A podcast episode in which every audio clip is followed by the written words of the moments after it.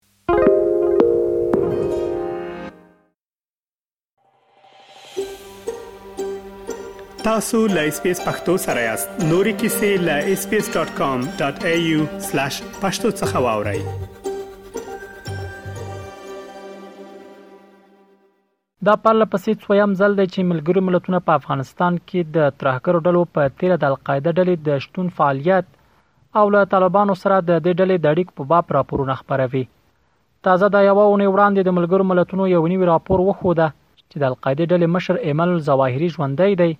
او دا ډله لا هم له طالبانو سره نږدې او پیاوړې اړیکې لري. د ملګرو ملتونو په دې راپور کې راغلي ول، په افغانستان کې د طالبانو په واکمنېدو سره د ایمن الظواهري هوساینه ډېره او د القاعده شبکې له نورو غړو سره یې اړیکې پیاوړې شوي. ملګرو ملتونو په خپل دې نوي راپور کې ویلي و، القاعده یو ځل بیا د نړۍ د ترهګریزو شبکو تر ټولو په ګواښونکې ډله بدله شوې. د ملګرو ملتونو د راپور پر بنسټ، نړیوال شرایط د القاعده لپاره مناسب دي چې غواړي یو ځل بیا د نړیوالې جهادي ډلې د مشرې په توګه وپېژندل شي. په دې راپور کې خبرداری ورکړل شوی و، که څه هم القاعده شبکه اوس په ښه موقف کې ده، خو له دې امله په نورو هېوادونو بریدونو ته زړه نه ښه کوي چې په افغانستان کې د طالبانو واکمني تر پوښتنې لاندې رانشي. د سیاسي چارو یو شمېر شنونکي د ملګرو ملتونو دا اندېښنه پر ځای بولي چې طالبان لا هم له القاعده ډلې سره پیاوړې اړیکې لري او له امریکا سره د دوحې تړون ته ژمن نه دي پاتې شوي.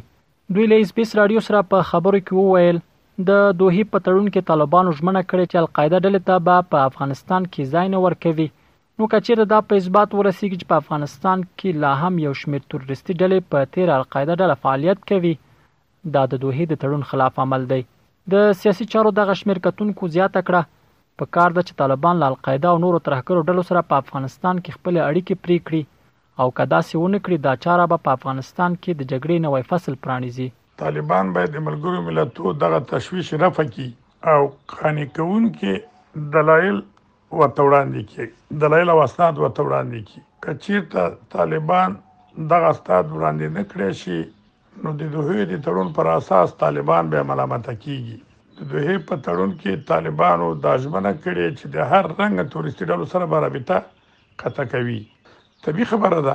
کچیرته دا ثابت شي چې په افغانستان کې اوس هم یو شمېر تورستي ډلې ژوند کوي نو د دوه د تړون پر اساس طالبان به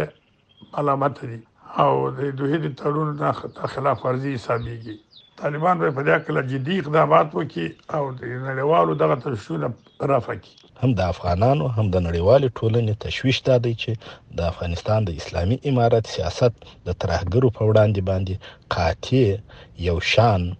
او د افغانستان د ملي ګټو سره سر نه خوري په کار ده چې د ټولو ډلو سره نه یوازې دا چې اړیکې پرې شي بلکې د ټولو ډلو سره د داهش په توګه باندې مبارزه وشي او دا مبارزه سیمه ییز او نړیوال ائتلاف رامنځته کړي تر څو چې د افغانستان خاوره په راتلونکي کې د هیچا پر ضد باندې او د هیڅ ترهګرې ډلې او افراد او اشخاصو په اختیار کې ونه اوسي. له طالبانو سره د امریکا په شوي تړون کې د واشنګټن یوه مهمه غوښتنه د القاعده په ګډون له نورو ترهګرو ډلو سره د طالبانو د اړیکو په شلولو او دا چې بیا د افغانستان له خاورې پر متحده ایالاتو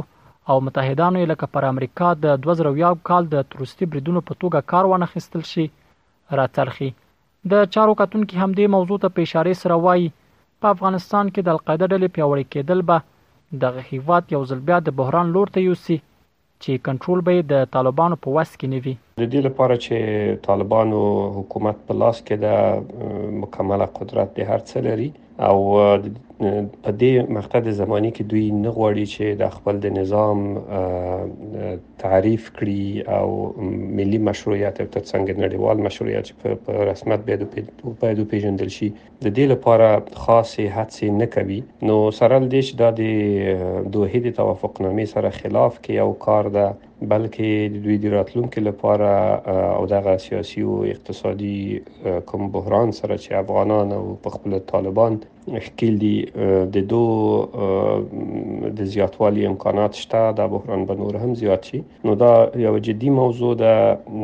اول خو لازمه ده چې په خپل اسلامي امارت په دې حق لا سپیناوی وکړي خو اصلي لار د حل دا ده چې له دغه بحران نه ځان وباسي تر اوسه پورې هیڅ هواد نه ده حاضر شوی چې افغانستان په رسمیت وپیژني که دا چیرته جدي په نظر کې ونیول شي نو افغانستان به د ډیرو سترو ننګونو سره مخامخ شي. بل لور ته د پاکستان د بهرنیو چارو وزارت هم ادعا کړې چې په افغانستان کې ځینې وسلهوالې ډلې له پخوا راهیسې موجودې دي او دا ډلې راتلونکي کې به په خپله د افغانستان، پاکستان او د سیمې هېوادونو د امنیت او ثبات لپاره خطر پېښولی شي. پاکستان ویلي چې دا یو شریک خطر دی او د مخنیوي په پار یې د افغانستان له سرپرست حکومت سره همکاري او ښکیلتیا ته اړتیا ده خو د طالبانو ته سرپرست حکومت مرستیال ویاند بلال کریمی بیا د نړیوالو او ګاونډیو هیوادونو د اندیښنو ته په ځواب کې اس بي اس رادیو ته وویل د افغانستان سرپرست حکومت د خپل موقف لمخې ټولو هیوادونو ته ډاډ ورکوي چې د افغانستان له خاورې څخه کوم بل هیواد ته ګواښ او تهدید موجود نه دی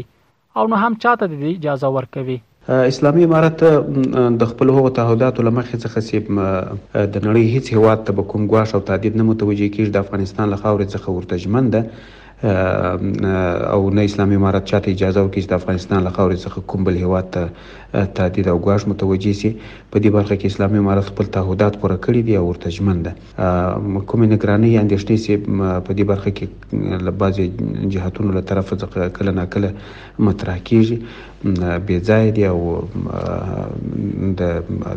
تشویش وړ نه دي. د یادونه ده چې په افغانستان کې داسې مهال د القاعده ډلې پیاوړې کېدو په اړه راپورونه خپرېږي چې له وړاندې په دې هېواد کې داعش ډلې د شتون او ګواښ په اړه هم اندېښنې شتون لري. رحیم الدین اوریا خېل، ایس بي ایس راډیو، افغانستان.